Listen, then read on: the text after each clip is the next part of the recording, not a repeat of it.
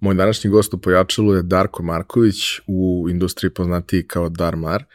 Um, dizajner i konceptualni umetnik u oblasti dizajna i 3D animacije i modeliranja. Darko je jedan od onih ljudi koji su kroz život očigledno živeli onu mantru uh, u inat svima i uprko svemu i on je uspeo baš uprkos tome što mu ništa nije išlo na ruku i u situacijama u kojima bi svaka normalna osoba odustala, on je i dalje bio uporan i zato je stigao danas tu gde jeste. Radi neke sjajne stvari za klijente, ima fantastičan lični projekat koji se nadam da će uh, uskoro uh, ugledati svetnost dana u punom obimu, jer do sada smo imali prilike da vidimo samo fragmente, a priča je krajnje nesvakidašnja i interesantna i to je jedna priča o momku iz paviljona koji nikada nije prestao da se bori. Uživajte. Realizaciju pojačalo podcasta podržali su Epson je vodeći svetski proizvođač projektora i štampača kako za kućnu, tako i za poslovnu i profesionalnu upotrebu. EcoTank tehnologija donosi značajne uštede za korisnike u superioran kvalitet otiska, a količina otpada smanjuje se za preko 90%. Za više informacije o aktualnim modelima i promocijama posetite epson.rs ili zapratite Epson Srbija na Instagramu. Sa nama je i Orion Telekom provider najbržeg optičkog interneta u Srbiji sa više od 3 decenije iskustva. Pored fantastičnih ponuda za fizička lica, poput optičkog interneta bez ugovorne obaveze, pažnjom bih vam skrenuo i na širok portfolio usluga za biznis korisnike. Orion nudi cloud infrastrukturu koja može da odgovori svim potrebama i izazovima sa kojima se kompanije sreću, kao što su modernizacija IT sistema, skalabilnost, optimizacija troškova, digitalna transformacija i implementacija inovativnih rešenja. Uz njihova cloud rešenja garantovane su vam vrhunske performanse, 24-časovna podrška stručnih lica kao i napredna sigurnosna rešenja. Za dodatne informacije pišite na biz.prodaja.oriontelekom.rs ili ih pozovite na 011 41 00 007. Odnedavno sam postao urednik i autor na portalu naše mreže. U pitanju je portal za preduzetnike gde možete pronaći mnogo zanimljivih i korisnih informacija o svim pitanjima koje muče vlasnike biznisa u Srbiji. Među autorima možete videti mnogi od mojih gostiju iz prethodnih epizoda, pa topla preporuka da posetite naša mreža.rs. Za slučaj da želite da nas podržite vi individualno, uh, možete da posetite link u opisu podcasta na platformi Buy Me a Coffee i tu možete kupiti mesečnu pretplatu ili jednokratno donirati neki jednost koji želite. Hvala vam unapred na tom. Darko, dobro mi došao. Hvala što si me pozvao. Uh, redko ovaj, imam prilike da ugostim ljude koji su radili na nekim jako cool projektima koje smo svi imali prilike da vidimo. Ali ne znamo da su neki naši ljudi radili na njima. Ovaj, pre nekoliko godina kad sam naletao prvi put na, na tvoj portfolio, vidio sam da si pravio neke stvari koje su ono što smo svi mi koji smo se ložili na, na 3D igrice, filmove i ovaj, naučnu fantastiku želeli nekad da radimo, ali se nije desilo iz, iz kojeg god razloga. E, tebi se desilo, ali nije se baš desilo samo od sebe.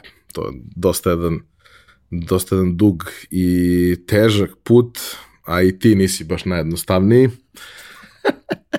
ali očigledno da ovaj, predan trud i mnogo znanja i mnogo rada i mnogo požrtvovanja ne mogu da ne daju rezultat nakon nekog vremena. Um, kako bi ti predstavio ono šta si danas? U, komplikovano pitanje zaista, ali kratko kako bi se predstavio, pa ja sam sad kako da sklopim za srpsku publiku, često kad se prebacujem sa engleskog na srpski ume da mi bude jako teško, ali pričam normalno, naravno, Ovaj, ja sam konceptualni dizajner, slash dizajner, slash umetnik, slash preduzetnik koji se bavi dizajnom za mehanički, za vozila, za automobile, za igrice, entertainment, ceo taj. I ja dizajniram ukratko od olovke do svemirskog broda, bilo šta treba, za klijenta, da li je to taj uh, zabava i program, entertainment, igrice, filmovi, ali i prave stvari radim. Tako da se te moje struke preklapaju. Pored toga, često moju da me zovu futurista, vizionar, i neke druge reči prideve koje mi daju stranci ovaj, kad je u pitanju, ali sam poznat kao Darmar, što izrazito volim da pomenem, Darko Marković Darmar i Darmar je postao u poslednjih pet godina poznato ime u tom svetu dizajna i umetnosti. I ko bude izgooglao malo, naći će tvoj sajt i portfolio, vidjet će tu neki prilično cool stvari. Hvala ti. Ovaj, pričat ćemo i, i o tome, ali hajde da krenemo ovaj razgovor kao što krećemo svaki razgovor u pojačalu sa Mančmelo pitanjem šta si te da budeš kad porasteš. Kad sam, šta si teo da budem kad porastem? Sportista. Sportista sam teo da budem i to je, bilo ili inženjer ili sportista. Uvek je bilo ta dva, onako nekako sam i dan danas volim sport i u njemu sam ovaj, kad kažem u njemu sam, malo su me godine stigle, ali volim sve što je kretanje tela i td. A drugo je bilo inženjer, da budem kod tata, jel te, ovaj, međutim, e, život ima neke druge, apsolutno, planove, ali kao klin, ja nisam crtao do 18. godine, ja sam čičak liše crtao, ja to često ljudima kažem, jer mi u kući to nismo radili. Majka ima ogroman taler što se crtanja tiče, ali nije crtala jer i ona otišla u ekonomiju. I, ovaj, ali sam volao da sklapam, rasklapam stvari, volao sam kompjutere mnogo pored toga, igrice sam isto jako volao, profesionalno sam ih igrao. I tako da su to neke bilo. U jednom momentu sam čak i profesionalni gamer hteo da budem, ali roditelji su bili odgovorni da se to nije zaista desilo da ode u tom smeru. Dobro, znaš kako, ovaj, u tom nekom periodu pre desetak, 15 godina, tako nešto je zvučalo potpuno neodrživo i nemoguće. Sad je ne zvuči. Sad svako od nas zna nekog ko ima nekog ko je ovaj, u, u tim vodama na jedan, drugi ili treći način. Sećam se ono kad smo bili klinci, bio je onaj film uh, koji je verovatno napravio Nintendo ili ga je sponsorisao Nintendo s uh, Game Boy Kid ili kako se da, već zvao. Da, da, da. Mislim da sam ga gledao 50 puta, naravno, kao, kao i svi, jer jednostavno kao ima jedan čudni klinac koji kao radi ono što ti radiš, samo što je on u tome najbolji na svetu ili barem film tako kaže. A, ok, nisi crtao, a šta si radio to u osnovnoj srednjoj školi, šta te zanimalo, šta si pokušavao? Pa, znači, igrice su me jako zanimale, ali ja nikad nisam igricu gledao kao razonodu. Meni je to bilo da napravim nešto, da razvijem nešto. I ja sam se bavio, verovatno će mi ljudi neki prepoznati, Mr. Bloom je bio nadimak u Counter Strike-u, to su dobra stara vremena, 2002. 2001. 3. Ja sam uh, se bavio profesionalno Counter Strike-u i bio sam u jakom timu baš i uzeli su me, vrbovali su me sa 13 godina kad sam bio baš dete, oni su imali 23 i Counter je meni onako bio jedna velika obsesija ali kasnije ja često to volim da kažem, uh, taj counter me odveo da razumem kako biznis funkcioniše, pošto mi smo ni iz čega pravili nešto, sponzori ti trebaju, treba ti financije, treba tim da vodiš i sad ja kao dete tamo među njima, dosta rano sam počeo da vidim kako korporacija funkcioniše, jer mi nemamo trenera, drugi sportovi imaju trenere. I to je onako jako čudno, danas imaju tri trenera i tada u tom counteru i imaju privatne avione kojima se voze, a to je bilo onako sve u razvoju. A kad sam bio mlađi, ja sam jako sport voleo i ulicu. Ali sam voleo i knjigu. I ja to uvek volim da kažem, ja sam odrastao u paviljonima, sam na Novom Beogradu odrastao. I ja često volim da kažem, morao sam da biram između dve stvari, ja ću li biti tog dana ili štreber ili ću malo bitanga biti, znači jedno od ta dva, jer moram da se dodvorim i ovima napolju, a moram i kod kući. I onda je to onako, neki balans je uvek tu postojao, knjigu i dan danas volim, volim da sam među ljudima i dan danas, jako su dizajneri mahom ti koji sede kod kuće, ali to je iz detinstva. Volao sam da sklapam i rasklapam stvari. To mi je bila jedna fascinacija. Znači, kako funkcioniše auto, kako funkcioniše tranzistor, kako funkcioniše uh, električni motor. Sećam se, imao sam neku obsesiju sa električnim motorima tada. I ovaj, volim da znam sve kako funkcioniše. U bilo kom segmentu života. I to je ostalo iz detinstva još. Sa čaletom, kapiram. Pa jeste sa njim bilo, ali nekako se ja na neku svoju stranu vuku. Moj, moj otac je bio poznat po tome da se izuzetno razume automobile. Uh, stari beograđani koji ga znaju ovaj, kažu da je mogao popraviti bilo koji auto kad je bio mlađi. Njegova fascinacija je bila u garaži, proveo ceo život u garaži, dok ga majka nije naterala da upiše mašinski fakultet, a ja sam proveo u sobi za crtanje s kompjuterom, tako da malo smo se mimo išli druge generacije, drugi segmenti.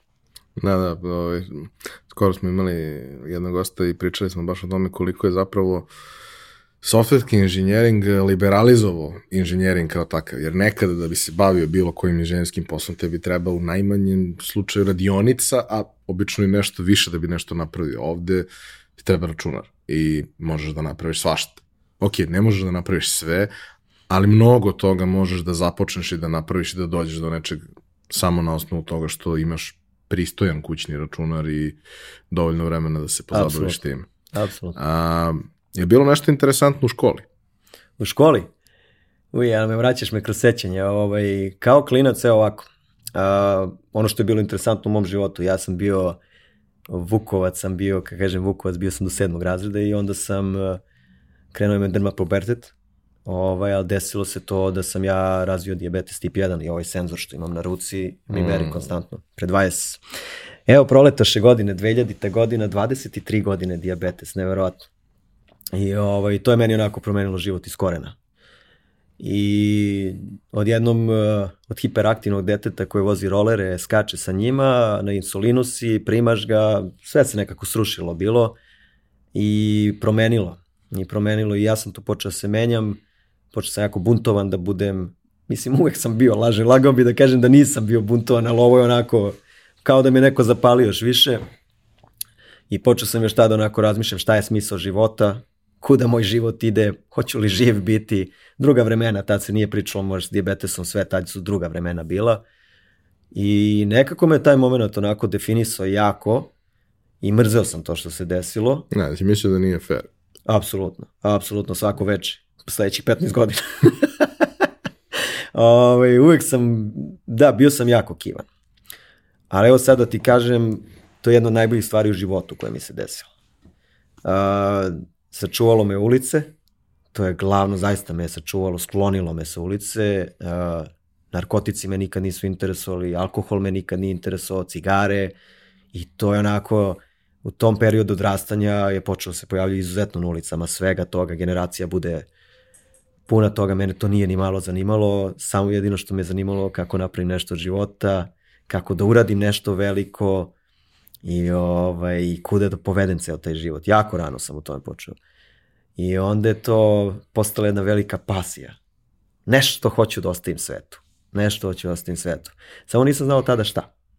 A u kom trenutku si počeo da razmišljaš o, o, o tom i počeo da, da čačkaš nešto ovaj, u, u ovim oblastima u kojima si danas, dizajnu, 3D-u i svemu ostalom?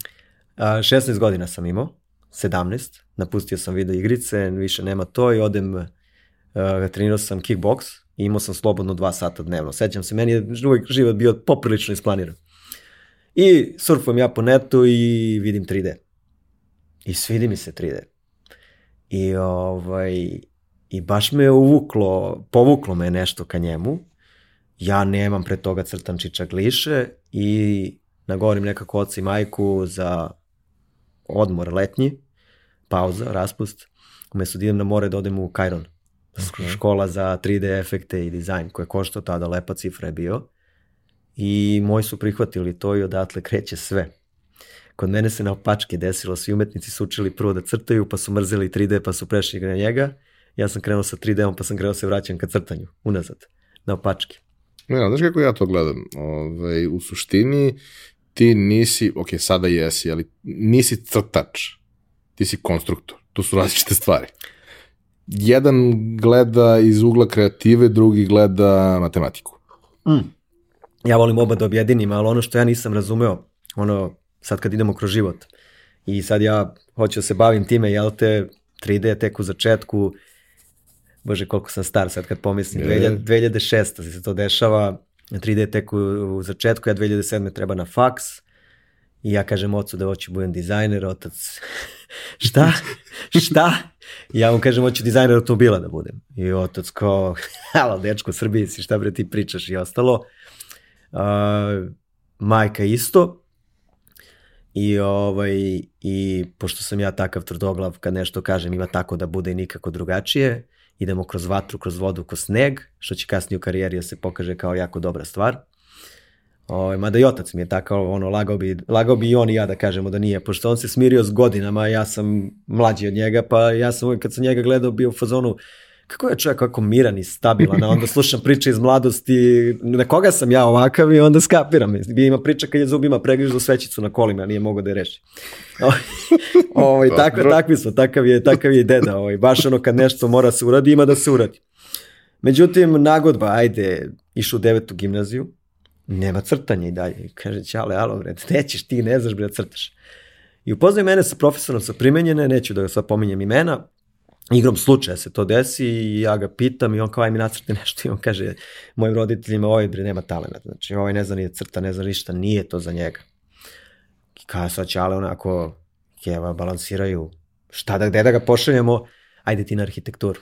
Malo matematike, malo fizike, malo crtanja i ja se spremao godinu dana za arhitekturu i ovaj, falilo mi pola boda da upišem.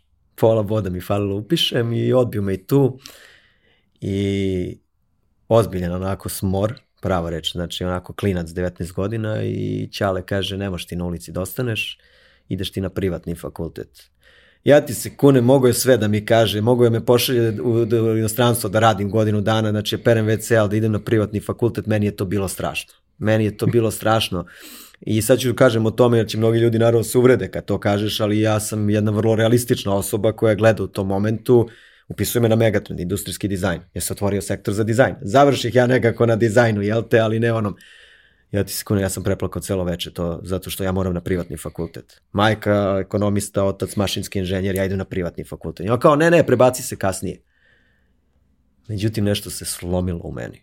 Nešto se slomilo i bilo je, sad ću svima da vam pokažem šta Darko Marković može da uradi.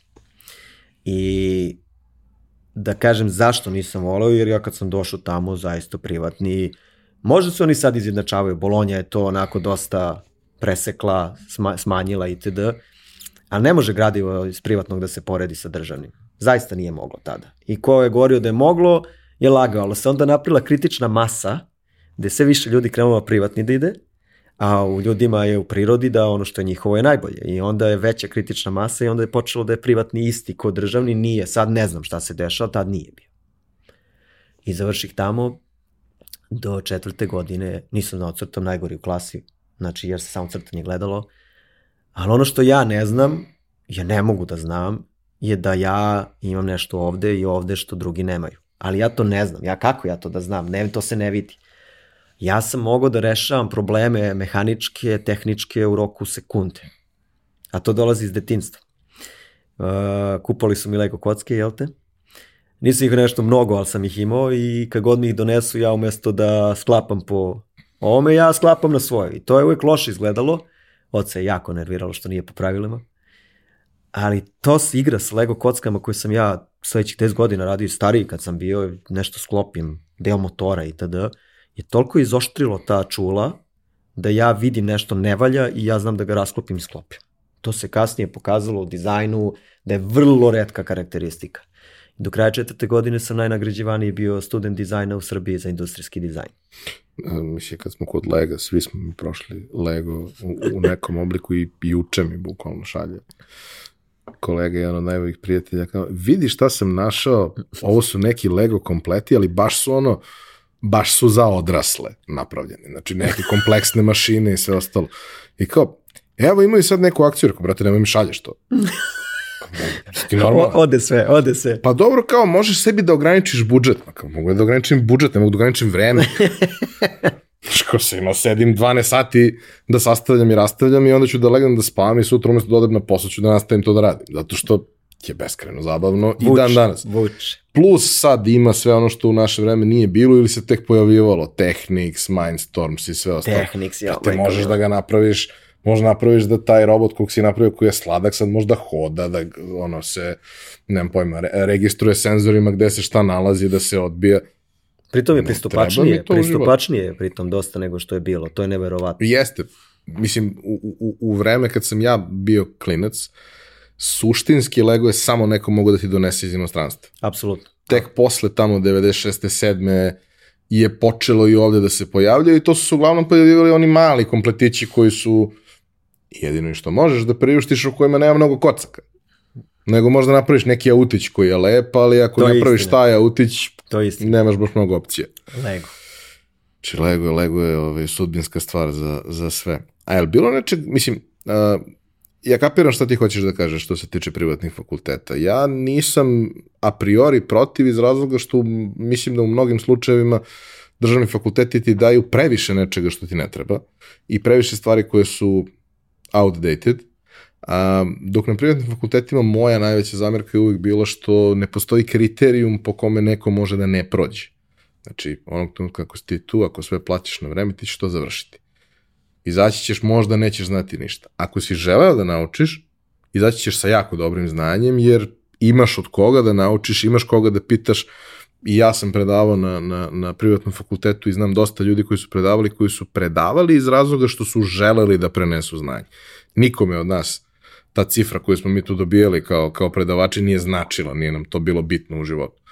Nego taj moment da, eto, nešto što si ti pokupio u ovih 30 godina, daš nekoj narednoj generaciji. Bilo je klinaca koji su super motivisani da nauče i onih ostali. Uh, ali kako je to izgledalo što se tiče znači ipak pričamo o periodu pre 15 godina. Um, kakav je bio program, koliko je to što ste učili bilo aktuelno, koliko je bilo upotrebljivo, koliko si ti bio zadovoljan time, a koliko je naravno se očekivalo od tebe da ako stvarno hoćeš time da se baviš, da samostalno učiš i radiš. Pa gledaj, dizajn, što se dizajna tiče umetnosti, to ljudi koji upisuju primenjena je najteža za upisivanje bila, čuo sam se to sad promenilo, ne mogu da verujem, bilo je fazom 300 ljudi na šest pozicija, tako nešto, neke nerealne cifre, i ti da upišeš faks, mnogo ljudi je imalo tu psihologiju posle, ako sam uspio da upišem ovo, ja vredim. Što je logično, mislim, 300 ljudi pokušava i onda krenu stagniraju zbog toga. A dizajn, uh, je sve osim fakulteta. Šta po tim mislim? 90% stvari koje ćeš naučiti, ćeš naučiti na projektima personalnim i van fakulteta, 10% na fakultetu. Jer dizajn je jako široka tema, ne može to u četiri godine se nauči. Ne može. Ti možeš naučiti da crtaš. Svako može da crta. To, to moram da napomenem i ljudi obično kažu ja ne znam crtam. Ja sam čičagliše crtao. Sad, uh, pre, kad sam student bio i ostalo, ja sam na linijama, radio sam i linije najveći problem bile.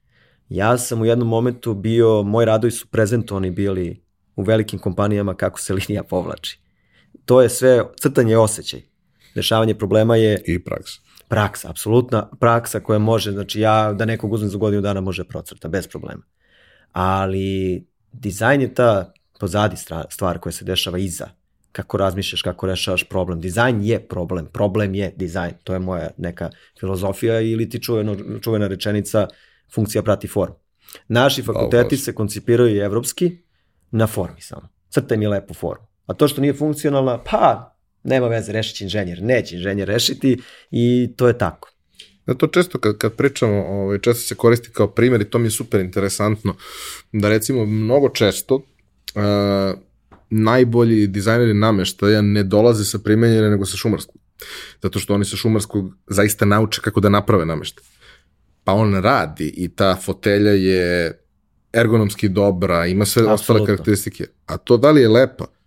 Pa ako ima oko, onda će da bude lepa, ako nema oko, neće bude lepa, ali ako pričamo o upotrebnim predmetima, to je mnogo veći problem je da ne kako radi ne, nego da, ne. da, da, je samo, da je samo lepo.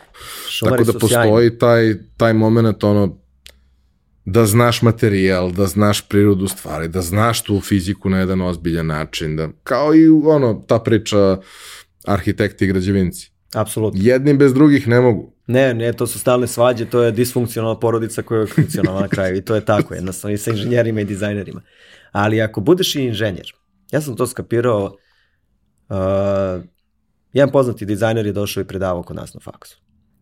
I kad sam otišao u Italiju, dobio sam Lamborghini stipendiju sam onda dobio i završio sam u Italiji ovaj, kao prvi čovjek sa Balkana koji dobija tu stipendiju puno, odlazim tamo u Milano itd. I dolazio je Chris Bengal, čuveni BMW dizajner koji je, kad se pomene njegovo ime, ono, znači to je čovek jednostavno koji je reputaciju izgradio neverovatno. Jako interesantan čovek, bio je dizajn direktor BMW-a kad je BMW prvi put spojio linije, nije razdvojen itd. promenio uh, Kasnije mu pretili ubistvima, slali mu 5000 pisma majci na kuću da će ga ubiti što je promenio BMW, BMW-ovi fanovi, mislim, sve to jako čudno. I onako meni on bio fascinantan, jer je to prvi put da ja imam kontakt sa dizajnerom koji uh, to ne razmišlja kao dizajner. A meni je to enigma bila jer ja se nigde nisam uklapao, ja uvijek drugčije sam razmišljao i sada možeš ti da misliš da si cool, ali ako ti okolina govori da nisi cool, moraš da se baš zapitaš da li jesi zaista cool, jednostavno... Ili moraš mnogo da veruješ u sebe. Moraš da veruješ u sebe. Ja sam se uvek razlikovao od dizajnera, od i naših i strane. Mnogo sam se razlikovao i kako pričam i kako se ponašam i kako dizajniram i kako razmišljam. I on dolazi i ja sam tad skapirao sam na pravom putu. trebalo je samo 9 godina da ja skapiram, 8 godina da ja skapiram sam na pravom putu. Jer on je meni toliko interesantan bio koliko je načitan bio, koliko je ume probleme da rešava, koliko je... Nekako sam bio u fazonu, ovo mogu ja da budem. Ovo mogu ja da budem. I odisao je svežinom, imao je 60 godina, on je odisao i dalje svežinom, njega je sve interesovalo. Ja često mislim da uspešni dizajneri su kao mačke i sebe smatram kao mačkom, zaista, zašto? Zato što moramo gricnemo nešto, prorimo, srušimo čašu i td. I to je to, ono, država te životnim te, znači, ono, ja često moram čašu da gunem sa stola, da im šta će se desiti da bi mi dan prošao kako treba, jednostavno, jer hoću nešto novo naučiti. I on je onda pričao o Đuđaru i rekao je, od svih ljudi koje znam, a znam celu autoindustriju, Đuđaro će mi ostati u sećanju. I rekao nam je, kaže, dođemo mi na sastanak sa Đuđarom, on čovek ne zna da crta auto, ne zna da ga nacrta, on nacrta ga od spreda, ga crta linije, nikakve ništa. A kaže, došao je da vidi naš auto, mi smo ga uzeli za konsultacije u BMW-u, da nam kaže šta valja, šta ne valja i kaže, a, ta desna vrata, reci mi koliko je nagib stakla, jedan, pro, jedan i po procenat.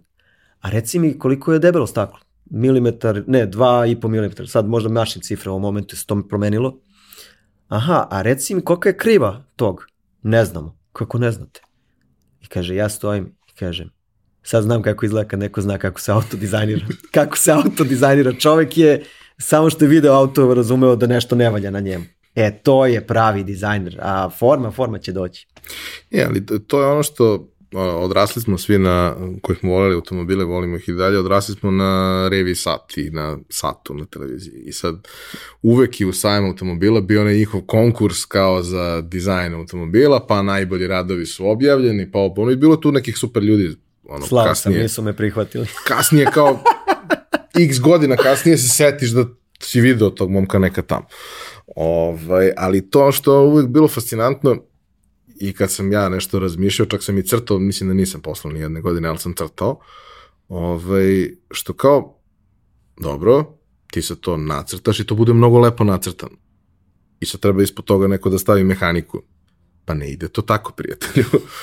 Prvo se napravi šasije, mehanika i sve ostalo, pa ti onda gore stavi preko šta, šta se tebi sviđa. Možeš malo da se prilagođavaš, ali kad je, kad je zašao ovaj uh, film uh, Lamborghini, kako su oni A. ovaj, prilagođavali neke stvari, mislim, ne zna se, naravno, ne, niko od nas ne zna da li je to stvarno bilo tako ili nije, ali ako je bilo tako, ja sam bio blago užasnut jeste, neki, u nekim momentima. Bilo. Evo ti kažem, jeste, stvarno je bilo. Znaš kao, okej, okay, to su sve pionirski pokušaj mm. i ti pokušavaš da napraviš super automobil bez ikakvih predznanja, resursa i svega, on će da radi super tih 500 metara, možda će se raspadne posle 5000 km. To vremenom dođe, sva, sva to dođe kad se industrializuje i kad se postave Naravno. neki standardi samo je, i sve ostalo. Samo 50 godina treba.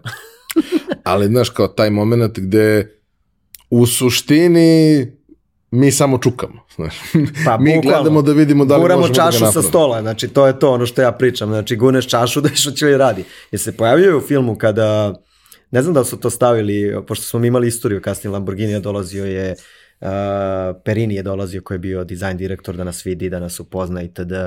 Uh, pošto smo dobili Volkswagen Lamborghini stipendiju, onda smo upoznali Walter da Silvu koji je u tom momentu bio ono, da ne pereš ruku sledećih 10 dana si se rukovao sa njim pa došao da nas upozna. Sve to je jedna onako pokretna traka brza, ali je li ima scena u tom filmu kad on stavlja kada, kad nema ključ da otvori haubu, pa mora knjige da stavlja umesto motora. Ali ima ta scena? E, mislim da da. To je meni fascinantno, ovaj, pošto nisu stigli da urade, ali najavili su već fenomenal auto i onda to on dolazi i kaže izgubili smo ključ, a u autu stoje knjige da bi ga izgledao kao da drži. Da spušta, Izgubio da. sam ključ. Mislim, druga vremena, druga zabava, ali Italijani umeju te zavrzlame jako brzo da smisle i da reše. Meni je to kod njih jako fascinantno uvek bilo. A dobro, beskreno šarmantni, ne, prevarantni. Ne, šarmantni. Ne mogu kažem prevarantni, ali u kompaniji, pošto sam ja, mislim, da objasnim šta se desilo sve tu. Ja sam došao opet kao najgori, jer nisam crtao toliko dobro i opet sam došao najgori, tamo su došli momci iz Pasadene, uh, Los Angeles, Royal College of Art, to su univerziteti koji četiri godine koštaju po pola miliona, nenormalni crtači, znači onako, ja, a ja radim 3D. Ja radim 3D, a oni ne radi. I meni je tada rečeno zaboravim na 3D auto industriju, 3D ne može da se koristi u auto industriji 2009. 10. I, ovaj, I ja dolazim tamo, ekonomska kriza je pukla već jaka i ja sam bio među top 3 u tom momentu tih studenta i obećano nam je za top 4 ćemo dobiti stipendije svi. Na kraju samo jedan momak dobio stipendiju da ode u Lamborghini. Jedan je u Lamborghini, drugi nešto, pošto su, ja sam opet bio najmlađi tamo. 24 godine, oni imaju svi 28 plus. Ja i Bugar smo bili najmlađi do duše, 24, i Brazilac, 24 smo imali i na mufte, onda oni su već bili u industriji, jer ja nisam znao u Americi kad hoćeš na master da ideš, ti moraš tri godine da imaš rada. Faks. Tako da imali smo čoveka koji ima 37 godina, to neću zaboraviti, čovek je došao, nije mu se svidelo, pošto je ono stvarno bilo jezivo, ono, ono je bio drill ozbiljan i nije mu se svidelo, nije mogao to da radi sutradan je radio u Lamborghini jer je već imao veze, ali trebalo mu i da mu piše da je pokušao makar master da studira, ovaj, kako se zove, mnogo, mnogo interesantno. I onda dođemo do toga, ti možda ni ne treba diploma da se razumemo u toj industriji. Ali ja sam na kraju šutnut kući, bukvalno kao vreća sam šutnut kući jer sam imao pasoš Srbina. I ovaj, nemam drugi pasoš, nemam ni hrvatski, nemam mađarski, ekonomska kriza, svet još toliko nije otvoren, ne postoji remote work, auto industrija je jako zatvorena, ja se vraćam kod mojih, uh, mislim, podbacio sam, ali ne razumem da nisam podbacio, nego jednostavno život ne može u tom momentu tako. No, ja, okolnost. ja sam dao sve od sebe. Sledeće dve godine ja šaljem svoj portfolio 360 mesta. 360 portfolija za dve godine sam poslao. Sa unikatnim CV-em. Sa unikatnim... Uh, Propratnim pismom. Propratnim pismom. Mislim, jedna stvar koju volim kod sebe, to je ta Pregriš, pregrišću, pregrišću svećicu u ustima, znači ako treba, bez zuba ću je pregristi. I ovaj, međutim, uh, dobijam, Ferrari mi kaže, dođi odma, do, Audi mi kaže, dođi odma i tim onda kažeš, ali ja nemam pasoš, oni pa kažu, pa ali imaš iskustva? Pa nemam ni iskustva, pa nemoj da dolaziš. I to je onako demoralizacija, a u tom momentu proglašen za top 100, 100 top 80 najboljih dizajnera mladih, potencijalnih u svetu i ja ne mogu posao naći. Svi sa faksa zaposleni u Italiji koji su bili, svi imaju jel te papire i ostalo mogu, svi su negde, ja nemam posao dve godine. I na kraju me uzmu da ilegalno dođem u Italiju, u Bertone, i Bertone bankrotira dok ja letim ka tamo. On bankrotira. I ovaj, i ja onako nerči kakav sam, vraćam se kući, besan sav, sleteo, vratio se odmah, nisam teo čekam uopšte da ostanem u Italiji.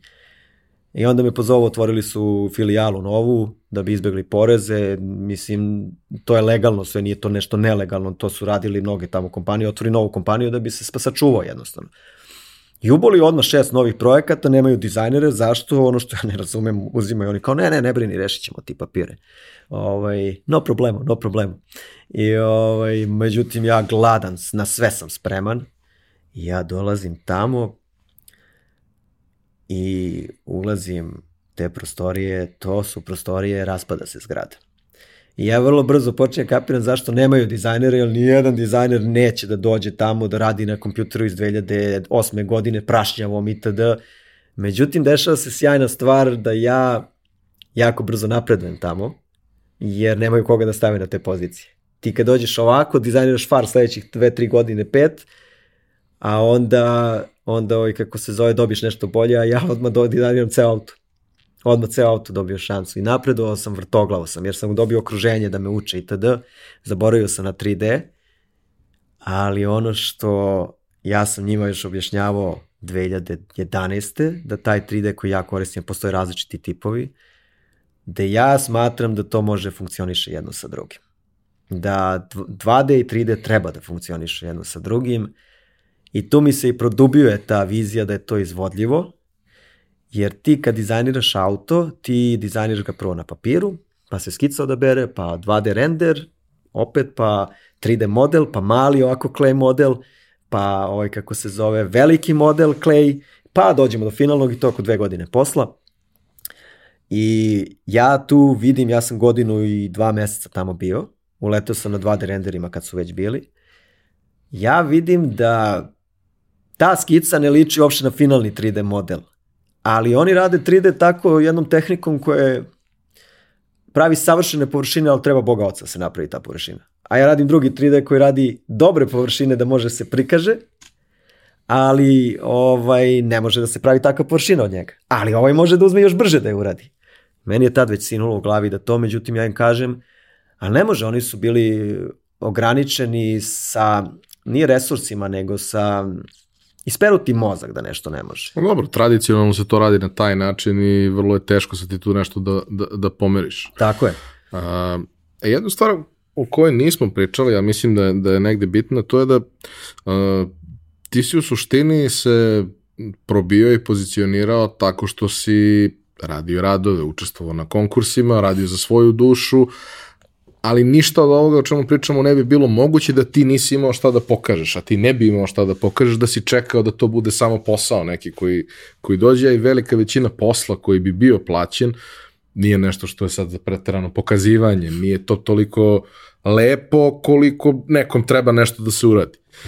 Šta si po tom pitanju radio? Kako si nalazio konkurse? Kako si se motivisao da radiš svaki dan na, na nečemu a, to je za tvoju dušu.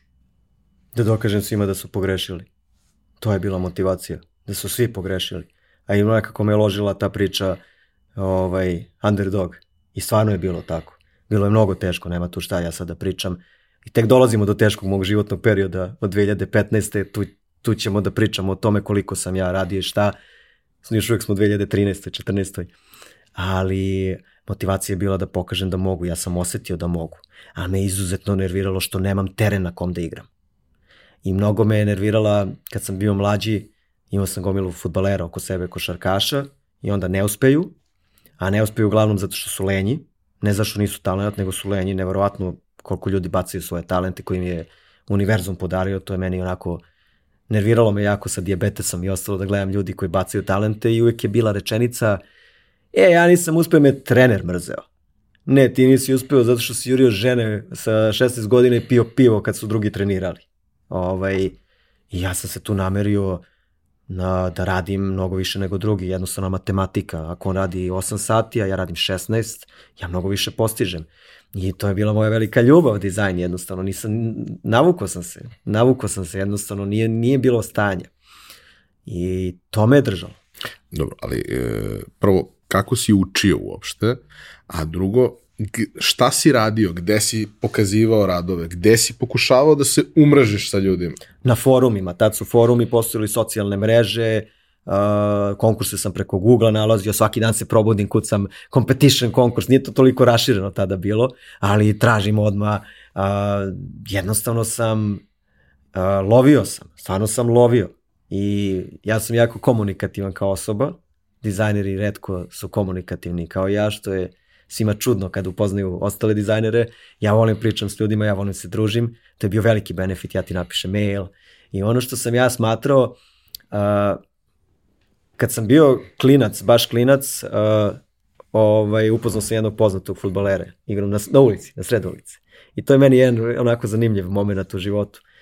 I sad ti uh, ljudi, kada pričaju tim poznatim uspešnima, uglavnom misle da su egoistični, ovakvi, onakvi, ali to je daleko od istine. Ti ljudi su isti ko mi i hoće da ti pomognu, hoće da se druže, uopšte nije da su neke, neki ljudi koji su arogantni, osnov. ima svega, ali ja naletim njega na ulici i ja sam odlepio bio bukvalno. Sred, zamisli sretneš idola, znači na sred ulice, ma idi, ja oko njega odmah, ja, la, la, la, la. Čovek se ispričao sa mnom 30 minuta.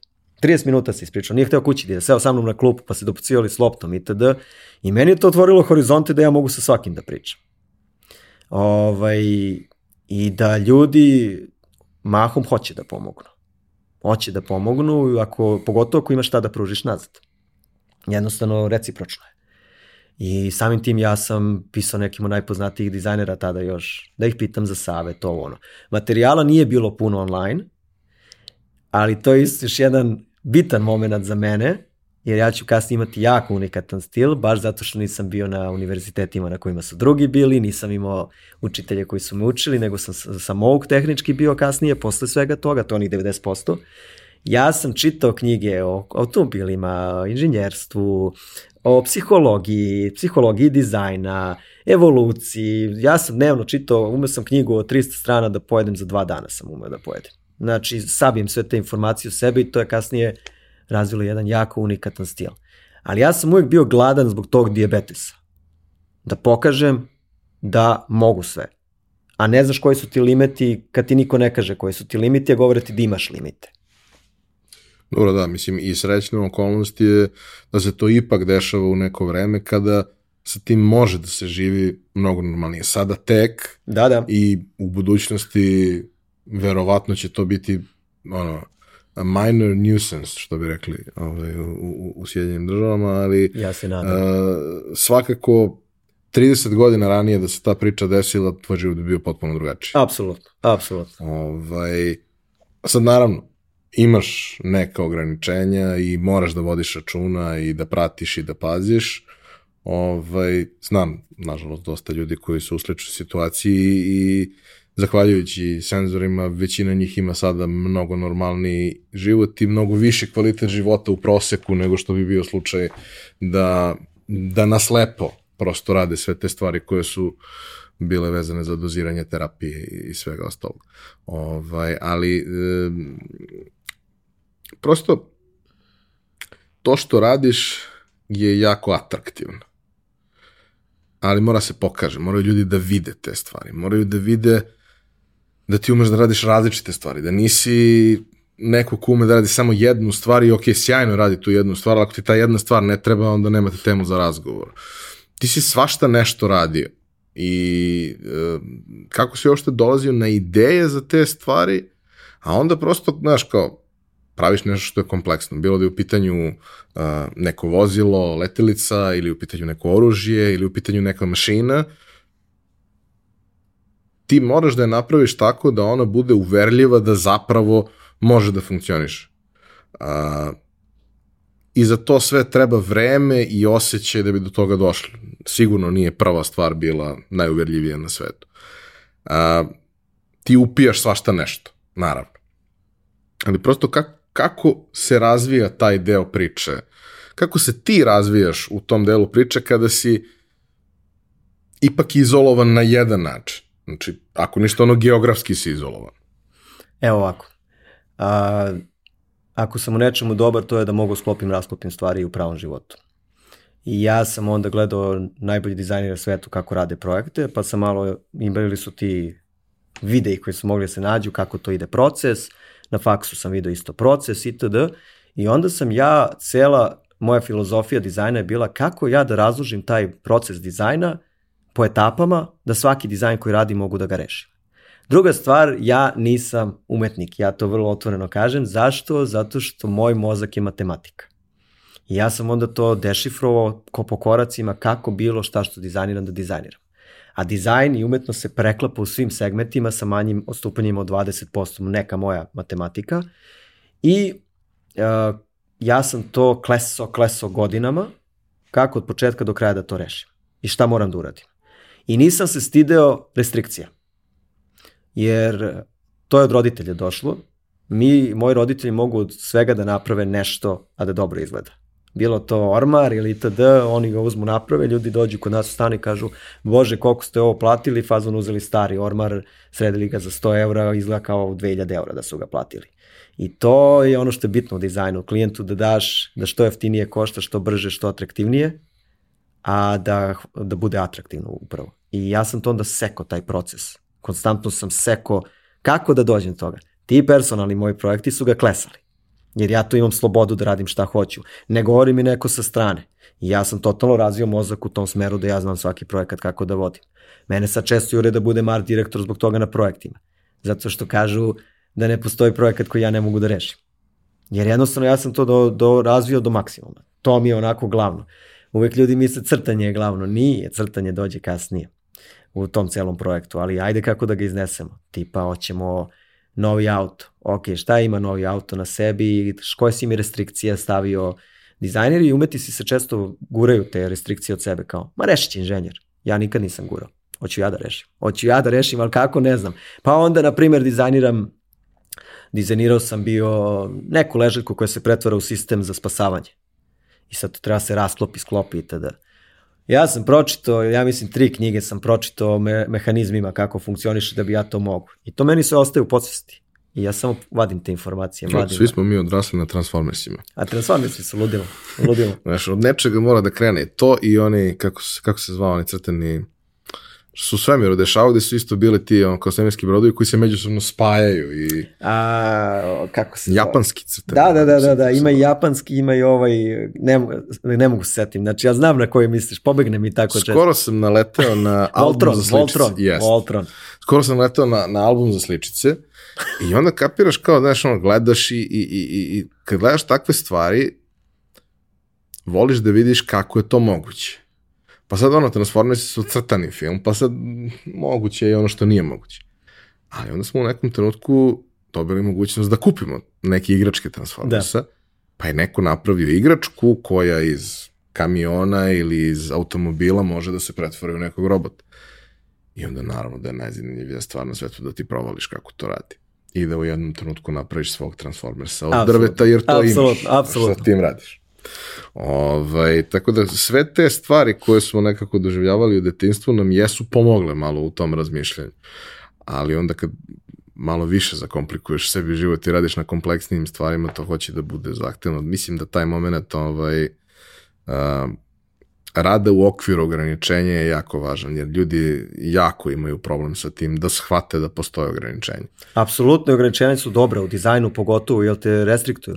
Ako pomisliš uh, projekat, uh, Bliski istok je prvi krenuo da nema restrikcije što se para tiče. To se dešava 90 i neki godina i počinju da imaju toliko para da dovode arhitekte i kažu ne znamo šta hoćemo, napravite šta hoćete. Nijedan od tih projekata nije dobro izgledao. I oni su kasnije morali menjaju filozofiju da im kažu šta hoće. Jer su im dali, radi šta hoćeš. Ovaj nabija zlato u sve, bukvalno već se šolja zlatna itd. Ali restrikcije su dobre u dizajnu, jer te uzemljuju te u realnost. Znači, šta je realan svet? Ako ih nemaš, gubiš uh, i oko i mozak gubi realnost sa tim dizajnom. To je ono što sam ja studirao kroz psihologiju.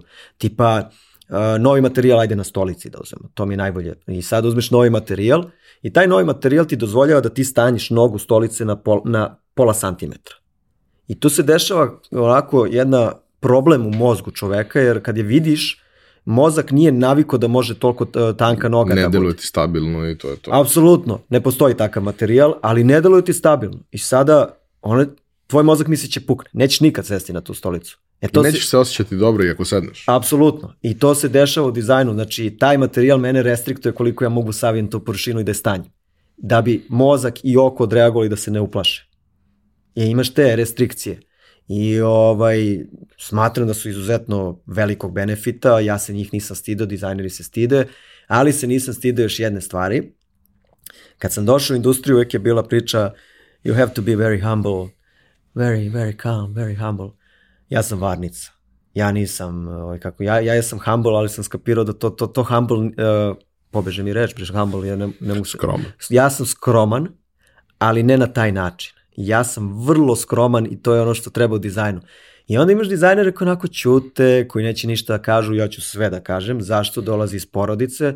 Ja kad sam mom ocu pokazivo crteže, moj otac je toliko to kritiko i bio fuzon, šta ti je bre ovo, Darko, šta si bre ovo nacrto, na što ovo liči? Bio je u pravu, ali treba razviti oklop da ti možeš to da podneseš.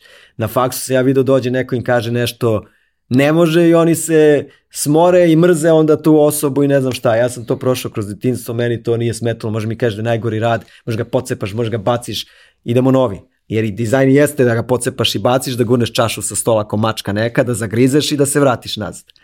I ovaj, ta skromnost, kako funkcioniše u dizajnu. Nisam ja najpametniji na svetu, ali kako ja mislim da to funkcioniše. Ta skromnost funkcioniše po principu uradit ću i stvari koje ne treba da uradim. Šta po tim mislim? Dođem ja u Italiju, oni su navikli na određene standarde kako rade, novi kompjuteri, nove uh, alati za pravljanje i sada stoji grupa od 20 ljudi, niko neće da uzme jedno obično dleto i da završi površinu zato što dleto nije napravljeno te i te firme. Jel ti ja ličim nekoga ko neće da uzme to dleto, znači. I, I onda mi glume neki skromnost, kako su oni jako skromni, ne treba im ništa, nećeš da radiš sa gletom zato što košta 5 eura, ne košta 100, a, a poenta je završimo taj model. I ja zgrabim ono leto i priđem, što niko neće, ali ono što pričamo, okruženje. Pola njih ne zna zašto neće, samo vidi da ovi bi veliki neće. I završim površinu. E to je skromnost u dizajnu, da ti štapa kanapa, da se spustiš dole, da uzmeš taj štap i kanap, a ne da u zlatu mora sve da bude. Jer ti praviš zlato u stvari od tog štapa i kanapa. To je ta sprega. Tako da, tako sam ja doživao tu skromnost i kasnije se pokazala kao jako dobra. Pre toga sam noćima udarao glavom u zid pitajući se šta ja radim. Jer nemam da vidim gde. Tako da eto. Šta se dalje dešavalo sa Italijom? Katastrofa. sad idem u mračni deo. Već je bilo mračno, sad postaje mračnije. Šutnu me iz Italije, ne daju mi papire. Uh, ukradu mi dva dizajna, dve plate mi ne plate, nestanu sa lica zemlje, tamo prezentuju na u Ženevi automobile, mene niko ne zove, ja ne postojim i ja padnem u tešku depresiju, razbolim se, sad sam se vratio skroz, oporavio sam se od svega toga, 27 godina, vratio se kod mojih da živim, osjećam se kao promašaj, nije mi jasno da li sam dobar, da li sam loš u tome, vidim auto u Ženevi, vidim ovo, vidim ono, ja nemam pare, nemam ništa, sedim kod kuće, baš onako neki tužan period. Međutim, ja ne bi bio ja da jednog dana samo ne ustanem i kažem došlo mi je, samo mi je došlo u meni. Ja sam se izuzetno plašio da krenem solo karijeru, jer uh, nikad nisam verovao da ja mogu to, da će mene neko hteti. Ja sam uvek mislio korporacija, pa onda rastem tamo. Međutim, uvek je pokazilo gde god sam bio, svemu sam bio najbolji, ali ja to ne vidim u tom momentu i krećem solo karijeru. Uh, imam kompjuter iz 2009. pošto nisam ništa kupao novo. Ja bi lagao da kažem da moji nisu imali da mi kupe, to bi bila jedna velika laža, ja ne volim laži, jer dizajn je istinita profesija, tako volim da kažem. Moji su imali da mi kupe novi kompjuter, međutim ja ne želim od mojih ništa da uzmem. Ništa jer smatram da sam, da sam ja failov. Uzimam kompjuter iz 2009. 15 inči laptop, koji ima HP, čuveni MV7, koji je napravio problem, jel te, ovaj, kako se zove, pregreva se. Jednostavno, takav je. Ja sam prosto i mleko bio po njemu, pa nemam para ga odnesem u servis. Tako da taj kompjuter se pregreva svaki 15 minuta. Ja uzimam njega i baš tada vidim, krenuo sam već uveliko da radim nešto i vidim izašlo ArtStation takmičenje. ArtStation u tom momentu je platforma za umetnike, najveća na svetu, raste tek i ja vidim takmičenje. I uvek sam mašio to prvo mesto nekako poslednjih pet godina moje karijere, drugo, drugo, drugo, drugo, drugo. I ja kažem sad ću da uradim ovo. I posvetim se tom projektu. Ja radim na kompjuteru Ivane i hladim ga sa knjigom. Pa ustanem, hladim ga sa knjigom. Ja takav sam jednostavno i volim sad to kod sebe jako. I mesec dana kasnije ja pošaljem i nagrada je bila kreću se neke stvari uklapaju, kreću se konačno uklapaju jer sam krenuo pravim putem, dugo mi je trebalo skapiram da, da, da šta je pravi put. I nagrada je bila e, vakom, onaj vakom, veliki monitor koji je to vreme 6000 eura koštao. A, nagrada je bila vel, ogromni exposure i da skratim priču, 1800 takmičara neki najboljih u industriji su tad participirali i ja uzimam prvo mesto, ali ne prvo mesto, ja ostavljam 10 mesta iza mene praznih sa tim. I u tom momentu, preko noći, ja postajem poznato ime u industriji. Preko noći. Nisam postojao na mapi, zato što sam promenio, sad sam prešao na igrice, solo karijera, filmovi itd. Preko noći svi znaju ko je Darko Marković Darmar. I dobijam kartu na FCC. Šalje mi Marko iz Zagreba i daje mi kartu za džabe da dođem jer je čuo za mene. U, tom momentu se održava ICC, najveća konferencija za dizajn, za ta vrstu umetnosti u Evropi, u Zagrebu odma. I ja odlazim u Zagreb i mnogo čudan trip da ja tamo dolazim kao celebrity. A i dalje nemam pare u džepu, razumeš, nemam. Zašto sam pomenuo onaj vakum? Zato što nisam mogao ga dobijem jer nismo Evropska unija, nije mogao da prođe, ja nisam imao para da platim, majka plače, hoće pare da da za njega, koliko je bilo, 25% se vajda plaća. Mm, taj, to. On ostaje na granici, ja ga nikad ne dobijam, šta se s njim desilo, ne znam. I krećem tu karijera lagano, sigurno da se razvija, ubadam prvi posao, prvog posla kupujem novi kuler, pa ide novi kompjuter, pa sve su to sitni još uvek poslovi, iako sam se probio, dugo nije još krenulo to kako treba 3-4 godine, ali kreće, pa se odseljavam od mojih 2017 eh, ovaj, krećem život, krećem ja da se stabilizujem i psihički i ostalo osetim da sam zagrebo nešto, zovu me na konferencije da predajem, ali para i dalje nema dovoljno. I dalje nema dovoljno para jer ne ubadam velike klijente. Svi znaju, ali nekako sve to vreme klizi, beži. Ja spiritualno nešto radim sa strane, oporavljam se, ovaj, kako se zove, pošto sam krenuo da se, da, da se vraćam u normalu. I ja počnem i osoba da se menjam dosta I, ovaj, I dan danas radim jogu, na primer, meditiram. To smatram da svaki umetnik mora da radi, ko beži od toga, šta da kažem. I te godine, što je bitno, malo sam skočio napred, izađe CG Talk takmičenje. Još jedno. I sad kreću onako loše stvari da se rešavaju koje su dobre po mene. Ne znam da li si ikad to prolazio, nešto loše se mnogo desilo, ali ispalo da je dobro. Ja se primim na CG Talk i kažem uzet ću oba. Niko u istoriji nije uzeo oba, ja rekao ja ću uzeti oba. I oni mene pokradu tu i daju mi treće mesto. Međutim, to eksplodira na internetu. Svi pričaju o tome da su me pokrali. Ja nisam morao prstom da pomerim. Svi kažu što ste mu uzeli prvo mesto i tada cela zajednica, znači svetska, svi. Ja nisam brz, brstom nisam mrdno, znači. Ovaj, I onda me pozovu 2017. me pozovu na zibraš takmičenje, samo 10 ljudi iz celog sveta mene pozovu i ja ne dobijem vizu.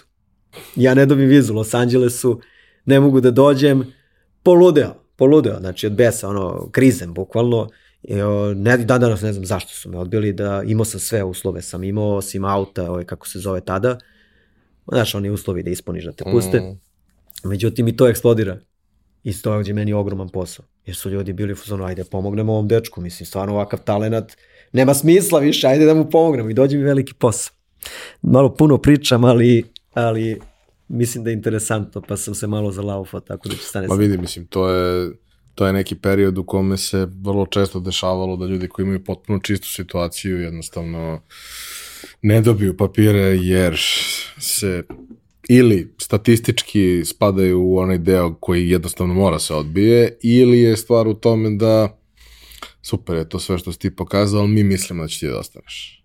I ne možeš baš mnogo da im zamerimo, pošto mnogi jesu, apsolutno. jel? Ovaj, ali, ali da, dosta ljudi su na taj način u kanalu, znam, nažalost i ja dosta, dosta primjera. Ali srećom stvari se menjaju u smeru da polako ili sigurno sve više toga može da se radi da. remote, da. pa to više nije toliki problem. A, kako tebi izgleda ono, radna rutina? Znači imaš neki projekte koje dobijaš koji plaćaju račune i sve što treba da bi mogo da funkcionišeš, ali toga nema dovoljno i to nije na onom nivou na kome ti želiš da bude, ok, i dalje to je neki novac, a ti radiš ono što voliš, pa ti u principu zadovoljan, ali prosto ovaj, kako pokušavaš da se izboreš da ti pozicija negde bude bolja? Brandingom, marketingom i personalnim projektima, apsolutno i kad je nešto dobro ne može da ostane primećeno. To je, često imaš dizajnere koji mrze druge dizajnere, misle su bolji od njih i da ne dobijaju poslove. To, ni, to je vrlo redko istina. Ja ću sad to vrlo otvoreno da kažem. Zato što kad si dobar primetit će te eventualno. Ne, ne mogu te ne primete. Da, dobro, imaš i ljude koji ne dobijaju poslove zato što s njima ne može se radi.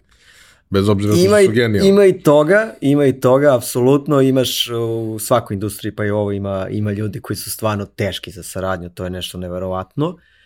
A, da ne zalazim sada razlike između Srbije i sveta, ogromna je razlika u, u pristupu poslu. Neću mnogo o tome da pričam, ostaviću to samo na toj rečenici. Ovde sve je izvodljivo ovde, a nije izvodljivo. Zašto ne znam. Ali ću reći sledeću stvar. Ono što je kod mene možda najinteresantnije kad ja ljudima kažem, a to je moja najveća muka koju nosim na leđima, kad sam ja 2015. otišao u haos, ja sam imao razgovore sa sobom duševne razgovore šta ja zaista želim da radim i ja sam tada krenuo da radim Inside 44 koji je moj personalni projekat, evo je deveta godina. Ovaj, ja sam za devet godina radio dano-noćno paralelno posao i paralelno to. Ovaj, napravio sam univerzum koji se zove Inside 44, ovaj, baziran na Srbiji, Beogradu, jer ja sam rođeni Beograđan i sam ovde, pa mi je poznato sve ovo, na mom, put, mom životnom putu i karakter glavni ima diabetes. I to je mene toliko zavozalo da sam ja napisao tri knjige trenutno imam, nisu izdate još, i napravio sam ceo taj univerzum, što je jako teško bilo, od karaktera do vozila, od njihovih pozadinskih priča, dizajnirano, nacrtano sve, to producent može da uzme i da napravi film ili igricu ili bilo šta iz toga. Tako nešto ne postoji u svetu, niko nije uspio jedan čovek na tom obimu da uradi, ali evo ga AI, mogu sad sa AI-em to da urade sve. Ono što si ti pomenuo, ti svašta radiš. Pa ja radim svašta baš iz tog razloga što sam tokom tog projekta morao da dešifrujem kako da pretapam dizajnove od karaktera preko vozila, preko svega. Na kraju ja više ne dizajniram automobile, ljudi obično misle to, ali ja radim sve, bukvalno od karaktera do vozila, do oružja itd.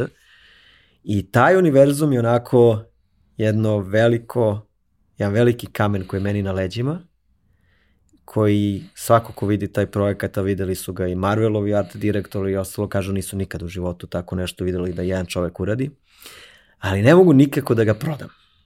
Jer ja imam razgovore sa Hollywoodom, to smo pričali već, imao sam pokušaje, blizu je bilo poslednji, pa je krenula hollywoodski štrajk, pa je to stalo, a smo još u razgovorima, meni je san da ja to prodam kao seriju.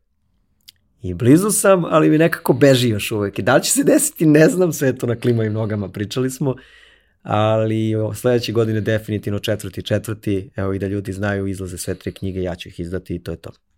Vidi, ja svakako mislim da je rad na jednom takvom projektu neverovatno koristan za tebe kao profesionalca, jer ti omogućava da na nečemu do čega ti je stvarno zaista stalo, a gde imaš slobodu, radiš na svim tim ostalim stvarima.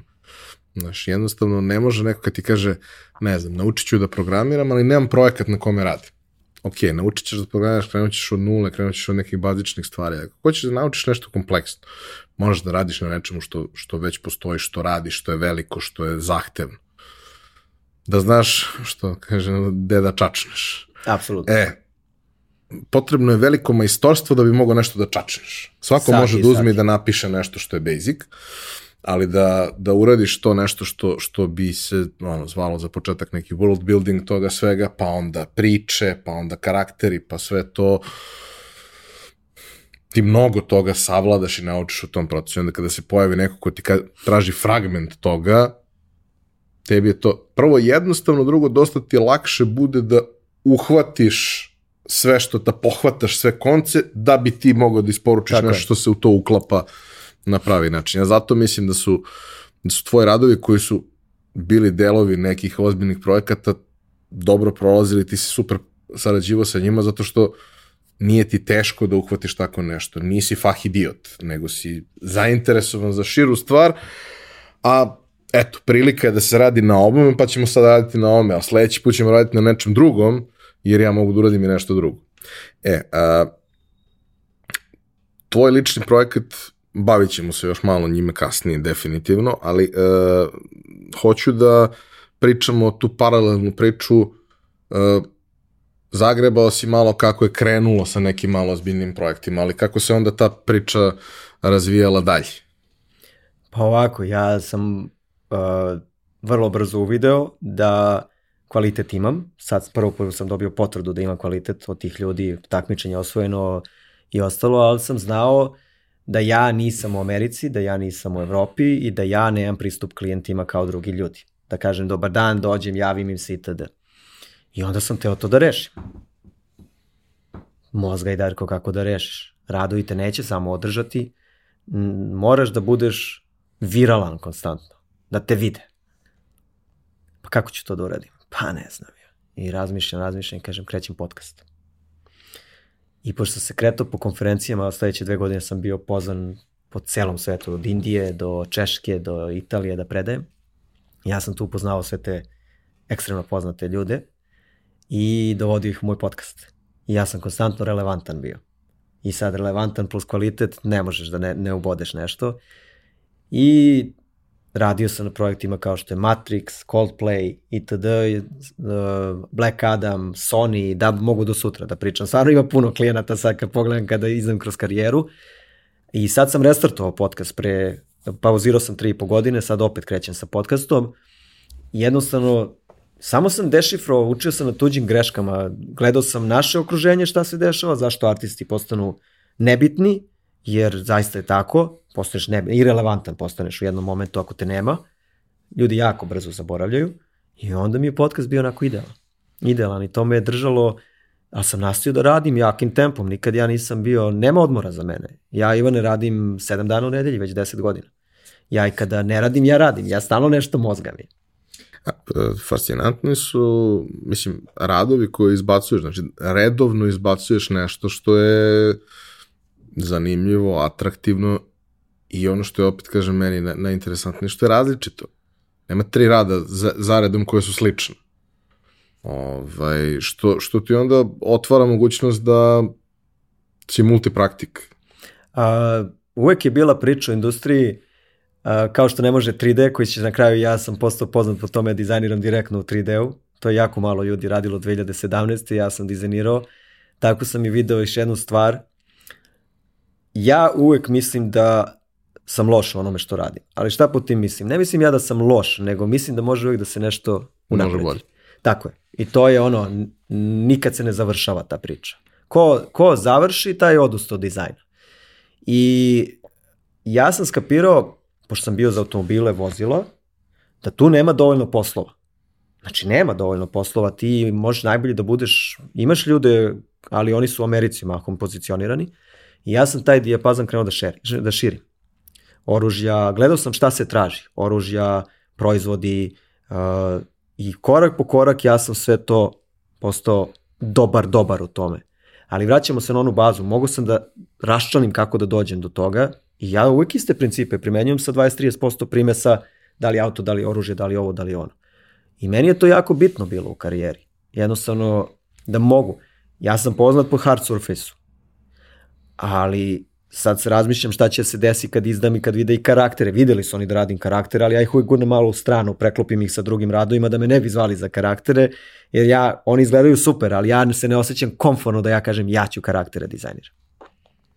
E, kad te pozovu na neki projekat koji je, koji je veliki, e, kako pro, kako te pozivaju, drugo, kakvi su rokovi, kakve instrukcije dobijaš, šta je to što ti treba da isporučiš, jer obično je to obično je to fragment neke scene, ali ako nije kako treba, ti si upropastio scenu a, i film. Da. Ovaj, prosto kako funkcionišu te stvari i kako ide saradnje sa ostalim ljudima na projektu, kolegama, supervizorima. Pa ja nemam mnogo kontakt sa drugim ljudima osim art direktorom ili klijentom, glavnim direktorom. Direktor i art direktor. Art direktor vodi ceo tim. Ja znači dizajniram, na primer, Za Matrix dobijem robota da dizajniram i art direktor me vodi, on je taj koji odobrava dizajn na kraju. I vozi, vodi još osam dizajnera koji druge robote radi i druga vozila, Matrix 4. I e, kako me pozivaju? Pa tako što su čuli za mene ili su me videli na tom Art Stationu, na Instagramu itd. I kad se čuje za tebe, eventualno se to proširi da kasnije se preporuke dobiješ. Ja sam jako profesionalan što se posla tiče video si danas na podcast kad sam dolazio, ja sam došao 2.01 kad smo rekli, ja, ja to ne mašim, meni je to, ja volim preciznost jako, a i klijent obožava preciznost, jer dizajneri umeruju budu rasejani ovaj, i nepraktični, to je jedna velika istina, ima raznih, ali pričam ti 90%, i rasejani su i onda ume da ti ne dostavi uopšte. Umetnici. I umetnici, da. Ja nikad to nisam tako pristupao i klijent kad to vidi, zgrabite i ne puštate. Ali stranci voli da te preporučuju.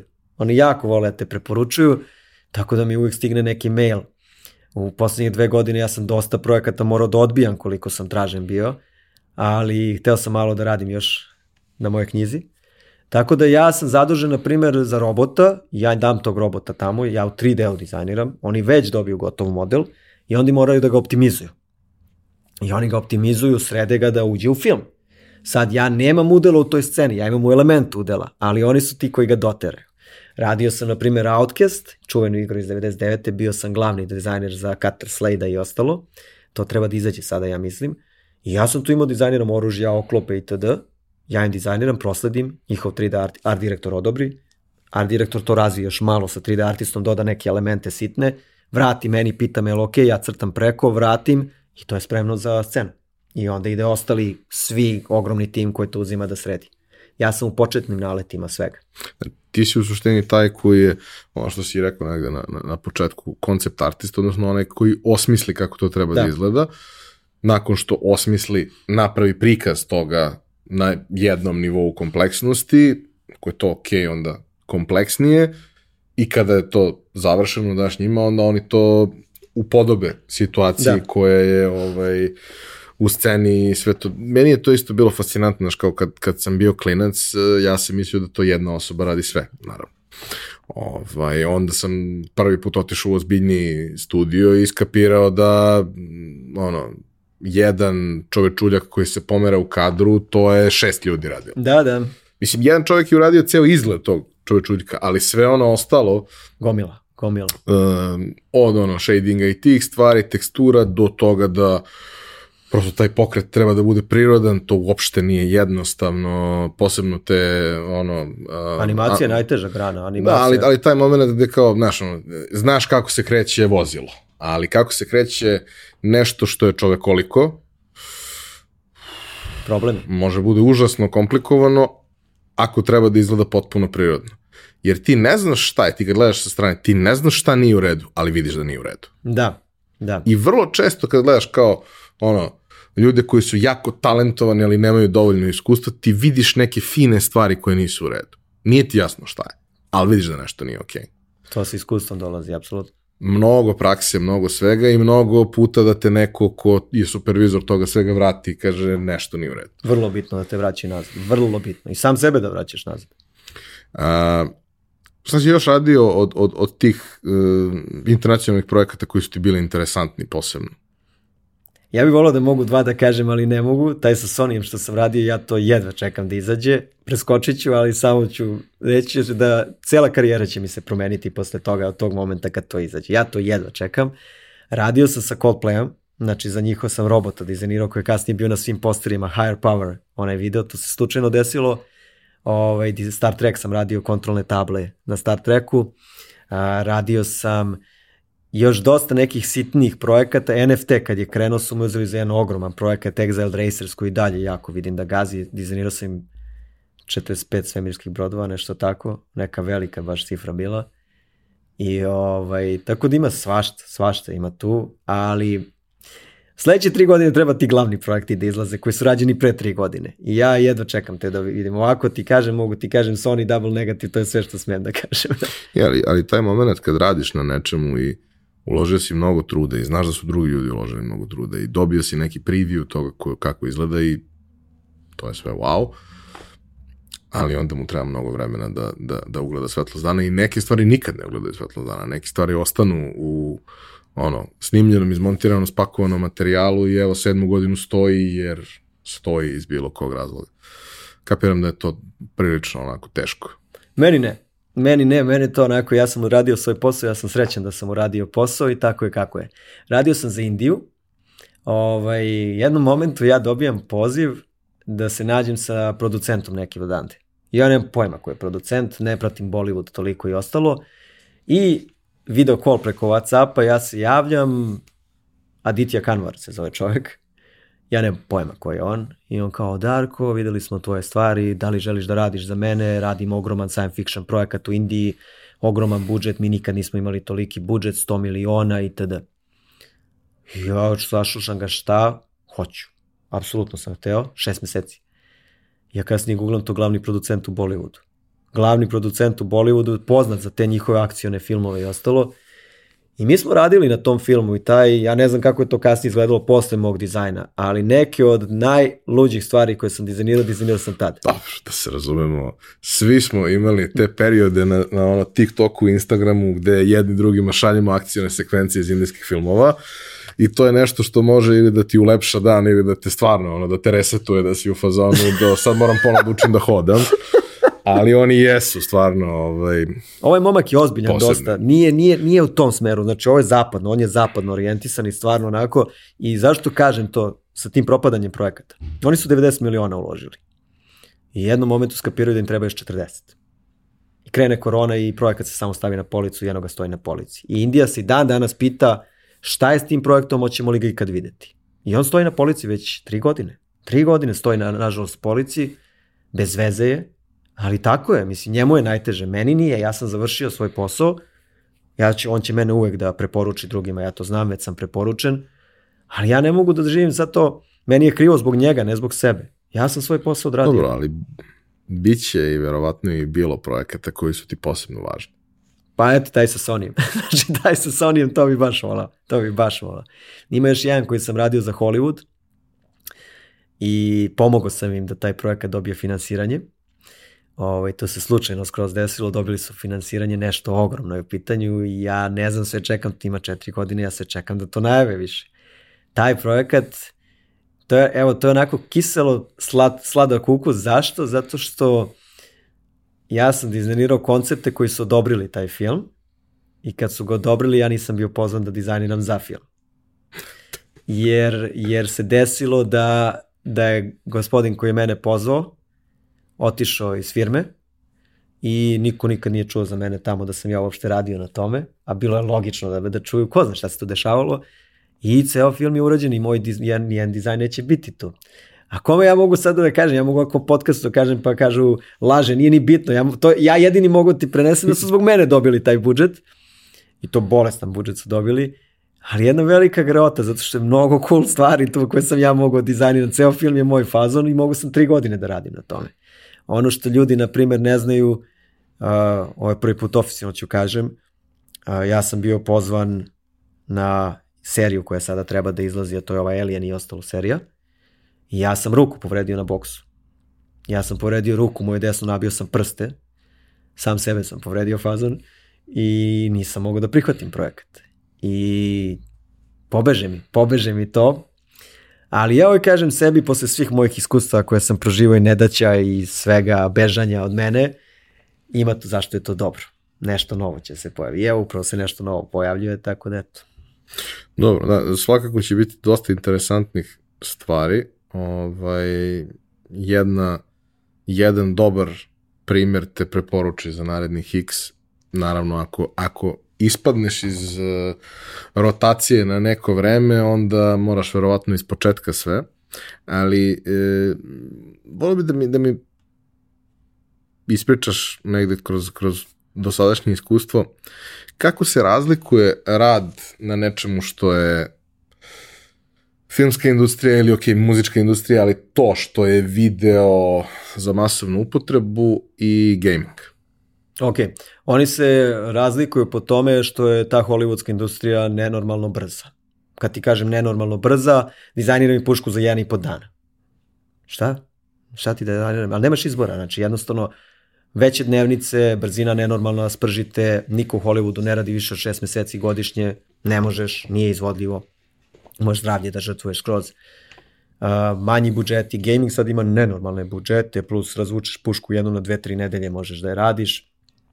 To se lagano radi, mnogo više para ima uh, i ima to mogućnost da je veća kreativnost, jer mnoge stvari ne moraju da budu napravljene u pravom svetu. Međutim, u poslednjih pet godina, kad su počeli da stupaju cosplay, sve jače igrice, sad mora i to da funkcioniše, tako da nije više toliko i to mora funkcioniše. Nazlika je u brzini u tome sam. I ti često, ako ćeš sad paralelu sa pravim stvarima, prave stvari se mnogo duže prave. I dosta se skrivalo, sad su počeli, ja sam to pričao ljudima pre 10 godina, nikome nije slušao, da će te industrije da se izjednače. Prava, gaming i ostalo. Jer će gaming morati da dostigne pravu proizvodnju. Zašto? Zato što ti sad pušku koju igrici koristiš, ti moraš da je proizvedeš za cosplay, kao igračku, kao ostalo, kao sve. Nema bežanja više da, da mi napraviš karaktera koji ima ovoliki štit kome ne može ruka da se pomera.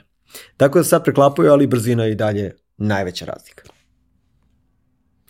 E, što se tiče tvog ličnog projekta, e, kako si ti zamislio da to izgleda? Ok, radiš na tome već jako dugo, krenuo si sa prvom knjigom, sad si već jeli, kompletirao uh, tri. Uh, kako bi ti to predstavio nekome ko nije imao priliku da ni da vidi ni bilo šta, jer ok, audio je format pa ljudi ne mogu da vide, ali šta je ono što, što tu neku osnovnu premisu si rekao, ali šta je ono što uh, je tebi najvažnije kod tog projekta? Meni je najvažnije da ga ja izdam i završim, a priča je vrlo jednostavna, pošto sam imao pičeve za Hollywood i ostalo, pa sam morao da, da objasnim u jednoj rečenici šta se dešava.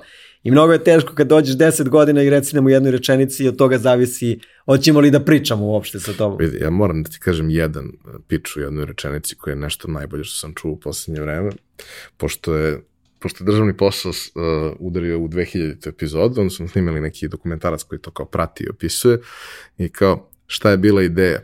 Pa, u jednoj rečenici ideja je bila tri čoveka koji sede u jednoj kancelariji i ne rade ništa. pa to je to. I kao 2000 epizoda kasnije, to, to oni su i dalje zabavni. To je kao kada pogledaš za Supermana. Čovek koji leti i ne može ništa ga upuca. Mislim, piče bez veze, znači ono. Ali ne, neće ti daju da prođeš uopšte ako nemaš tu rečenicu. Od toga sve zavisi da se uhvate. Mislim, Zeznuto je baš, ali pitch je uvek bio jedna rečenica, mislim, nije moglo nikad u jednu skroz da se nabije, ali uh, daju ti 15 sekundi. Elevator pitch do 30, 15 do 30, zavisi kako je ko raspoložen tog dana. Ja ću sad probati na srpski da se prebacim, jer mi je teško. Ne moraš.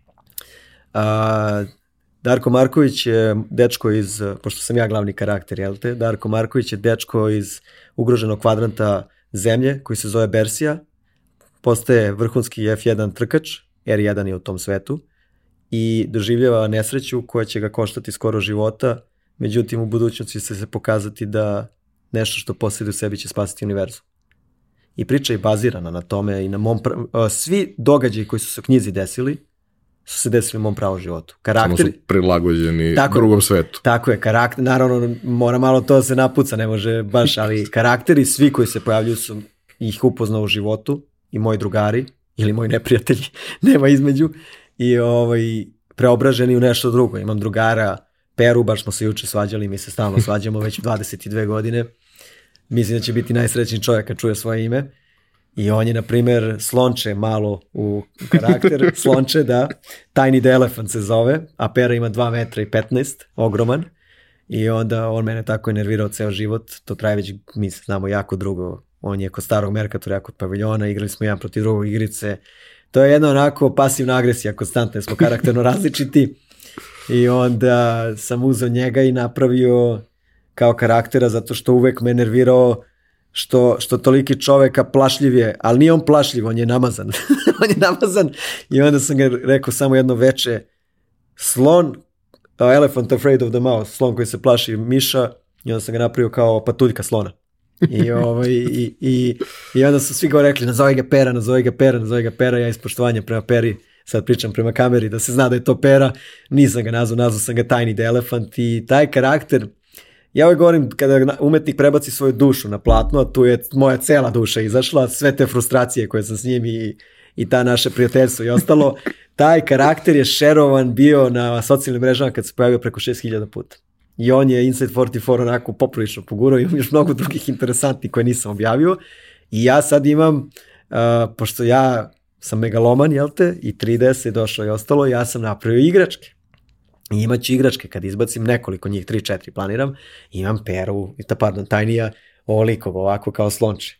I imam to napravljeno 3D štampanog i sad u Kini treba ga proizvodim. I to je to. I meni je jako drago što moji drugari se ne ljute oko tih stvari, njima je to smešno izuzetno, jer oni znaju kosu, kad znaš kosi može da te napravi da te nacrta kako ko hoće. I onda njima je to beskreno smešno. I do sad se nije desilo da se neko naljuti, naljuti se prvih pola sata, onda kasnije, aj mi pošalji da vidim ovaj, kako se zove. Meni je to mnogo smešno. I ja često volim te paralele, 10 godina je dug period, ja često pravim paralele kako se ko ponaša od mojih drugara. Ono što je fascinantno, a, moji drugari se nikad nisu gurali da budu u knjizi drugari, akcena da drugari. Ljudi koji me ne znaju se pojave u mom životu i prvo pitanje ubaci mene u knjigu. Ovaj, što je meni neverovatno, onako moment, ni ne znam te, tek smo se upoznali, pošto imaju često drugi, ja ne volim da pričam o tome, ali uvek mora neko pomeni, onda mi prekrati veče sledećih 45 minuta jer ja moram da ispričam sve. I onda se govoraju i ono što mi je fascinantno, jedna komparacija između muškaraca i žena. Muškarci se ne traže da bude u knjizi, ali se i ne ljute kada vide šta su, pošto ima tu raznih karaktera, a žene umeju odmah, hoću ja u knjigu, a onda vide šta su i umeju da se naljute izuzetno. Izuzetno umeju da se naljuti da ne pričaju po par nedelja sa mnom. Tako da, to su mi neke interesantne onako komparacije kad pogledam. Dobro, mislim, drugari su tu da, da daju kolorit ovaj, celoj priči, definitivno. E, meni je uvijek bilo fascinantno, mislim, to je ono, karakteristika naše dramaturgije, ali ne samo naše, onda kad zagrebeš skapiraš da zapravo velika većina ona, vrhunskih serija je takva, Ameri imaju drugačiji pristup svemu tome, ali recimo Britanci i mi, jako slično. ti shvatiš da kao serija ima 200 epizoda i kao ima baš mnogo likova i sedneš i popišeš ima 25 likova. Znači to je to. Čak da, i da. onih sporednih koji se pojavljaju, što kaže Eva Ras, u svakoj seriji ima Eva Ras, ne, neku sporednu ulogu, sve zajedno to je dalje 30 likova. Da, da, neko je A oni su savršeno tu isprepletani. Sad, naravno, imaš hiljadu jednu zamerku na tu seriju, kao, kao i na sve ostale. Ali je nevjerovatno da je neko uspeo da napravi taj svet i da ga onda kroz vrlo različite ove, situacije i živote tih, tih likova ispriča na, na jedan interesantan način i to kao stalno se sprdamo na račun repriza naših serija jebi ga, brate, 30 godina kasnije ja i dalje volim da pogledam bolji život. Sjajna što je hemija, dobra serija. sjajna hemija, znači, sjajna znači. hemija među ljudima. To su glumci izvukli, to možda čak mi je pisano, to su sjajna hemija, ja mislim da se tu desilo. Vrhunska selekcija, a i, brate, ozbiljna dramaturgija. Ajde, ove serije posle nisu takve, ne, nemam taj vibe sa svim onim ono, srećnim ljudima, stižu dolari i sve ostalo. Ali, brate, ono, bolji život i te stare serije, mislim vruć vetar kad naletim ili majstorska radionica, da, da, da, ja da. svaki put odgledam, zato što su, prate stvarno. genijalno. Znaš, e, sedeo sam s ovim drugarima, baš svi smo seli nas, ima nas dosta to ekipi, iz raznih ekipa, onako preklapa se. I onako kad gledaš, to je, uh, pazi šta tražiš u životu i možda ti se desi. To je sklop, skup ljudi različitih sklopova, toliko su, svako njih je toliko unikatan i specifičan da nije mogla da se napiše loša priča. Nije mogla, i to toliko onako ima različitih odnosa među tim ljudima da to nije normalno. Jer obično družine su onako koherentne i slična viđenja života, imaju, mi svi imamo različita viđenja života i tu stalno je neka čarka nešto, stalno je nešto natezanje, ali je to veliko drugarstvo. Veliko je drugarstvo ovaj, na kraju dana i zahvalan sam zaista što sam ih dobio u životu, jer da njih nije bilo, ne bi ja mogao tako toliko da prenesem, da izvučem iz sebe iz svoje dubine, te sitne male priče postanu tako velike. Nadam se da će ta priča sa, sa, sa tvojim projektom da se razvije u smeru u kome želiš. Znam dosta ljudi koji su pisali neke super stvari i koji su uspevali čak te scenarije da prodaju, ali nisu došli do toga da se taj projekat realizuje, većini njih je mnogo važnije bilo da to vide urađeno nego da zarade yes. novac od prodaje. Uh, ti si svakako napravio nešto što je mnogo veće od scenarija, tako da se nadam da će, da će dobiti šansu, a i ako ne bude naišlo na razumevanje pre nego što ga objaviš, siguran će da će biti primećeno kad, kad bude objavljeno. Pričali smo skoro ovaj, kod našeg prijatelja uh, Bevce je bio Aleksa Gajić pa je pričao svoje iskustvo da. sa, sa Edith i ja i gledajući to sa strane naravno osjetiš neki žal što čovek koji je napravio jednu neverovatnu stvar nije profitirao od toga na način ne zato da on treba sad da se obogati od toga, nego samo da mu se omogući da nastavi da radi ono što voli da, da. i želi da ne bude od toga u minusu i da doživi neku vrstu priznanja i možda ne slave, ali priznanja za to što je uradio, što se u njegovom slučaju nije desilo, ali ok, jeste u nekoj meri, ali ne onoliko koliko bi trebalo, ali on to napravio. Jeste. I velika je stvar kad možeš da kažeš jebote, ja sam ovo napravio. A, ja sam Aleksu upoznao pre dve godine, pre tri godine neki NFT bio u pitanju, pa je moja knjiga ostala tamo i on je video i onda je on želao mene da upozna, ja sam već znao ko je Aleksa Gajić i imao sam neizmerno poštovanje da ti uspeš da napraviš film. I meni je uvek fascinantno ovde koliko su ljudi sebični, ja zaista to ću da kažem vrlo otvoreno, zašto. Ja sam prišao Aleksi i ljudi očekuju da si arogantan sa rezimeom koji ja imam i ostalo, ne kažem da je Aleksa očekivao, ja sam njemu rekao istinu, ja sam rekao njemu da mu se divim, da je uspio da napravi edit i ja i da je to bilo na ekranu i da sam ga ja gledao i da je mene to jako inspirisalo. Ljudi se na ovim prostorima zbune kad im to kažeš. Bukvalno se zbune ali ja to stvarno iz dubine duše mislim.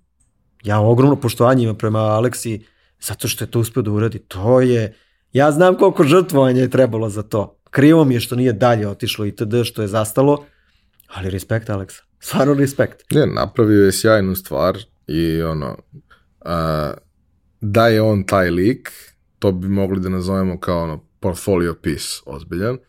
Ok, on nije taj lik i ceo taj moment kako je finansirao sve prodajem nekih svojih originalnih radova i slično, Da, da. jeste onako, ono, vidiš da njemu to ništa ne smeta, da on je dalje srećen, ali tebi sa strane bolno je i, i, i nepotrebno je da ne dobije neku vrstu podrške za to. Ovaj, ali kad skapiraš da je prošlo 15 godina i da on nije izgubio ovaj, elan da radi ponovo na nečemu takvom, onda nekako veruješ da ima nade ovaj, da, će, da će takvi ljudi biti primećeni. Tako da s tako gledano ja se nadam da će i, i, i, ovo što si ti smislio da naiđe sa druge strane na neko ko to razume i ko će to gledati da ispoštuje. Verovatno će, kao i svi, sve uvek tražiti neku vrstu prilagođavanja, adaptacije i svega. Ovaj, na tebi onda da proceniš da li si spreman na tako nešto ili nisi, ali ovaj, uh, ako razumeju i ako poštuju to, onda ima šanse da se desi. Hvala ti, ja se nadam isto. Reći ću ti samo jednu stvar za publishing, ja sad ko knjigu to ću da izdam. I ja sam trebao da izdam to ko jednu knjigu. Znaš zašto je tri knjige? Zato što je kad je knjiga imala 400 strana, niko nije hteo da izda sa 400 strana. I onda sam ja to pocepao na tri knjige Inside 44 priča 200 strana, Inside 44 vozila 200 strana, Inside 44 karakteri i gadgeti 200 strana. I ja ću sad oficijalno kažem i da ovo ostane zapamćeno na pojačalu da čuju svi. Ja sam odbijen od svih publishera. Svi su me odbili u poslednjih godinu dana. Niko neće da izda nepoznatog umetnika 600 strana, pošto se kreće sa 100 strana malom knjigom, pa se kost, kao lako gradi. Ne interesuje njih što je kvalitet van serijski itd. I ja ću samo reći, ne zaboravite kako je krenula moja karijera sa dizajnom da me je 360 studija odbilo. Svi znamo ja u kom smeru i će ovo da ide. Znači ja znam i eventualno ću ga ja sam izdati, ali ako treba da grizem svećiću, sveć, svećiću kokeva, ne mogu čujući da kažem, ovaj, ja ću da je pregrizem. I to je to jednostavno. Ja ne odustajem. Ja nikada ne odustajem, neću ni s ovim. A šta mi univerzum pruži? pruži? Ja sam zahvalan za sve što sam dobio do sada.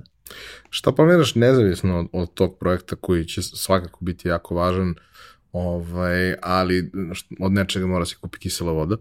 Ovaj, šta, šta planiraš u narednom periodu od, od projekata? Ono što ne možeš da otkriješ, ne treba da otkriješ, ali prosto šta su stvari na kojima radiš? Uh, ja sam sada bio slobodan dva meseca, gde sam slobodan, Darko slobodan znači radio, uh, gde sam uh, pravio marketing za taj Insight 44, a sada sam u procesu pregovora sa novim projektom koji će godinu dva meseca raditi sa jednom velikom firmom. Ne mogu ti kažem, nažalost, voleo bi da mogu, ali isto nešto veliko. A koji je domen? Ovo je gaming. Aha. Ovo je gaming ovaj put. Ja sam, pre toga sam radio mahom filmove, sad je gaming i nadam se ćemo potpišemo taj ugovor i na godinu i dva meseca sam siguran od 9 do 5. Pa ćemo da vidimo. A od 5 do... Od 5 do 10 ne znam šta ćemo radimo. Tu je trening, tu su malo izlasci, malo možda i ja treba da iskuliram ovaj. Mislim da će se raditi uvek između, ne mogu ja da ne radim, ja sam takav, ali mora i da se živi. E, šta bi savjetovao nekom klincu koji ovo sluša, a ne mora da bude nužno ni klinac, ovaj, ko bi sada u dosta drugačijem trenutku u vremenu u odnosu na ono kada si ti počinjao, hteo da proba nešto da, da, da, da radi. Od čega da počne, kako da počne, šta da očekuje, kako da pristupi. Ok. stvari. A, ako pričamo o Balkanu, klinaca Balkana, Da, da, ovde negde naš. A, prva stvar je da zaboravi na gordost. Gordost je poraz već u bilo kojoj karijeri preko, može ovde, ovde može da prođe i bahatost i, i ne znam šta, preko to ne može da prođe. A, da zaboravi na bitnost, bitan si samo koliko doprinosiš projektu. Znači, ali ono što je najbitnije od svega, što ovde najviše majka, imaj širu viziju za svoj život. Ne jedan dan sutra, ne godinu dana, šta zle želiš u sledećih 15 godina da napraviš. Jer čovek koji ima viziju i zna šta radi, ništa ne može ga zaustaviti. Ništa ne može tog čoveka zaustaviti. Tako da vizija je poenta i fleksibilnost tokom te vizije sledećih 10 godina šta se dešava. I da se radi. Pa mora da se radi, to, to neću uopšte pomene, mislim, Ja sam mnogo radio i svako ko, ma ne postoji bre uspešan čovjek koji nije radio. Ja znam se sad pojavili motivci govornici koji ti govore da možeš preko noći da postaneš ne znam šta. Ja takve ljude ne znam. Pazi, ja znam. A Ali na ne koji znam način? mnogo njih koji su uspeli i onda ostali tu. Između ostalog, ali Znaš. ima i na koji način. Znaš, ima i to. Ne, ne, okej, ima, ima, ali može da ti se desi da završiš u spotlightu u trenutku kada nisi spreman za to, dobiješ priliku, nisi dorastao i sad treba na brzinu na, da dorasteš. Biće mnogo teško i bolno, ali ako se baš jako ono, krvnički iscimaš, možda i uspeš. Ali ako istripuješ da si ti taj, zato što ti je neko rekao ko ne zna ko si, da si ti taj, onda nema nade. Da, Ovaj, mislim da je to mnogo važno da, da, da se insistira na tome da mora da se radi. Znaš, ono što si ti rekao, a mnogo pametnih ljudi znam koji su to u jednom trenutku rekli, kao, znaš, taj moment, kao, nemoj raditi mnogo, radi pametno. Ne, ne, sine, prvo radi mnogo, pa onda posle budi pametan. pa Prvo da. radi mnogo. Apsolutno, Jer apsolutno. ako ne radiš mnogo, nećeš znati šta treba Pa upravo da to, ja govorim kad mi dođu ljudi od dva, između 18 i 27, 8 godina. Ja sam stariji sad malo, 35. Ali, kad ćeš da budeš izgubljen u životu nego tada da se izgubiš i da radiš i da istražuješ sve. Kasnije ne možeš toliko da istražuješ, dolazi porodica, dolaze obaveze, dolaze računi. I traži bre, radi da bi video gde su rupe koje ćeš da proskočiš kasnije i ostalo. Apsolutno se tu slažem s tobom. Ne, ja uvek kažem, ono, naročito tim mladim ljudima koji insistiraju na nekoj kreativnosti i svemu tom. Dobro, super. Si kreativan, jes? Super, super. E, haj sad uzmi i skopiraj sve što vidiš. Pa ne znaš, ali ja ne... Aj ti samo iskopiraj. Jer kad budeš kopirao nešto što je gotovo, kad budeš pravio od nule, ti ćeš da naučiš kako je to nastalo. Možda ne način na koji je taj to napravio, ali ćeš nađeš svoj način kako to da napraviš. Pa kad iskopiraš sto stvari, onda ćeš to prvo da smisliš na osnovu iskustva koje si stekao sa tih sto stvari. Ali, znaš kao, ako nemaš ideju, super, kreni od nečega što već postoji. Razviće se ideja sama. To Nauči, ovladaj veštinom, ovladaj zanatom. Ono što si i ti rekao, znaš kao, ne umeš da crtaš, ne umeš da pišeš, ne umeš da...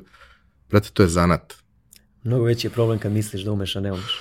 A dobro, mislim, Uzmi najbolje radove stavi, ja sam uvijek najbolje na svetu stavljao pored. Na zidu sam i stavili ispred da ih vidim. Ovo je nivo koji ja tražim, ili viši. To je moj nivo. Ostalo sve ispod toga ne interesuje me, neću. Kako da dođem, analiziraj, uči, napreduj, radi. To je, moj, Greš. to je moj nivo, greši, to je moj nivo. Ja sam u Italiji imao Stefana, to mi je ostao mi u sećanju, zauvek će mi ostati. Ja kad sam došao, on mene zaista nije volao ni malo. Ovaj, vrlo otvoreno mi je Stefano pokazio, bio je senior. I kad smo stavljali radove na zid, jer su tamo stavljaju i dan danas radovi, to je neka tradicija u Italiji koja postoji. On bi moj rad, tražio bi moje ime na zidu i onda bi uzeo veliki marker da kaže da je loš. Znači, vrlo otvorena mržnja i to su svi videli u studiju. I ja se uopšte nisam brinuo jer ja njemu zaista ništa nisam uradio. Ništa mu nisam uradio, nije bilo konflikta, čovek je odlučio taj put, nema problema. On je mene sedam meseci maltretirao, tako. Ja, znači, u jednom momentu je, uh, samo se pojavi, samo pogleda potpis, samo skine sa zida i baci u kantu. Ono što Stefano nije razumeo, da ja ni jednog momenta nisam odustao, nego sam samo unapređivao, unapređivao i pitao kolege šta, kako i td. I ja pamtim ko juče, 8. oktobar 2014. Neću nikad zaboraviti. Bira se auto koji ide dalje. I sad mi se svi okupimo u studiju, oko telefona, imaju onaj telefon, znači na javljanje. I Stefano se javlja i kaže, koji broj je prošao? Šta? Ma ne, ne, ne, ne, ne, no, no, no, no, ispusti slušalicu. A ja stojim pozadi i svi, a svi stoje oko mene jer znaju šta mi je radio i td. I svi se onako smeškaju, onaj kvaran osmeh svi imaju. A ja nameno, Stefano, da nije možda broj četiri. A, Darko, ti nisi pojedinac, ne možeš ti, ne možeš egoista da budeš, a, nije to tvoj auto, to je cele firme auto. Stefano, broj četiri. I čovjek izađe i, oj, kako se zove, mi smo se vrlo brzo rastali u roku dve nedelje, sam ja morao kući zbog ostalog. Ali muke, mislim, on je meni poslat bio iz tog razloga da bi ja naučio kako s takvim ljudima se ponašam i da bi ja video potencijal šta ja mogu da uradim. Da Stefana nije bilo, ja ne bi tako jako radio. Neko drugi bi odustao ili ne znam šta. Ja sam uvijek mogao prebijem Stefana jer je bio mali i kakav, ali ovaj, ja sam uvijek mogao da ga odvedem iza, ali meni to nije onako, ja sam znao da taj čovjek ima svoje probleme s kojima se demone, kojima se muči i hvala mu na tome. Stefano i dalje radi na poziciji koje radi, ja sam ovde gde ja sam sad. Nema odustajanja, idemo napred, šta god ti život baci i idemo preko njega. E, hvala ti što si podelio svoju priču, mislim da mnogi mogu da nauče dosta iz, iz nje, a naročito taj drive koji, koji imaš i neodustajanje, bez obzira na to koliko je teško. Mislim, mnogi bi odustali nakon svaki od tih stepenica na kojima im je Kosmos rekao da uh, ne, a možda je to sad ne sada, ali u tom trenutku je delovalo kao jako veliko ne. Ovaj, ali valjda da ovaj, paviljoni imaju, to je to nekog, imaju nekog utica na, na, na to sve. Hvala ti puno što si me pozvao. Hvala, Hvala ti što puno. si podelio priču Bićeš i na našoj konferenciji i tamo će ljudi moći da čuju deo ovoga, ali pre svega da vide sve te stvari, jer to je neverovatno impresivno. Rekao sam, nije zlato sve što si je, izaberi sebe se zove lekcija. Baš iz tih razloga što sam... Mm, stavit ćemo link ka, ka portfoliju i, i sajtu da, da ljudi to ipak mogu da vide, zato što mislim da je, da je, da je važno, posebno nakon što čuju priču. Ovaj, ali ti radovi ne bi značili ništa bez priče. Mora da se objasnim. Imaju dubinu onda. Imaju dubinu. Hvala ti puno što si me pozvao. Drago mi uvijek ću se odazvati. Jedno čekam niš da dođem da predajem. Ajde. Hvala ti puno. Hvala vama što ste nas slušali. To bi bilo to za ovu nedelju. Mi se vidimo ponovo naredne. Realizacija pojačalo podcasta ne bi bila moguće bez naših izuzetnih partnera. Kompanije Epson, koja je vodeći svetski proizvođač projektora i štampača za sve namene, i kompanije Orion Telekom, provajdera najbrže internet infrastrukture u Srbiji sa preko 30 godina iskustva. Više informacija o njima i njihovoj ponudi pronaćete u opisu epizode.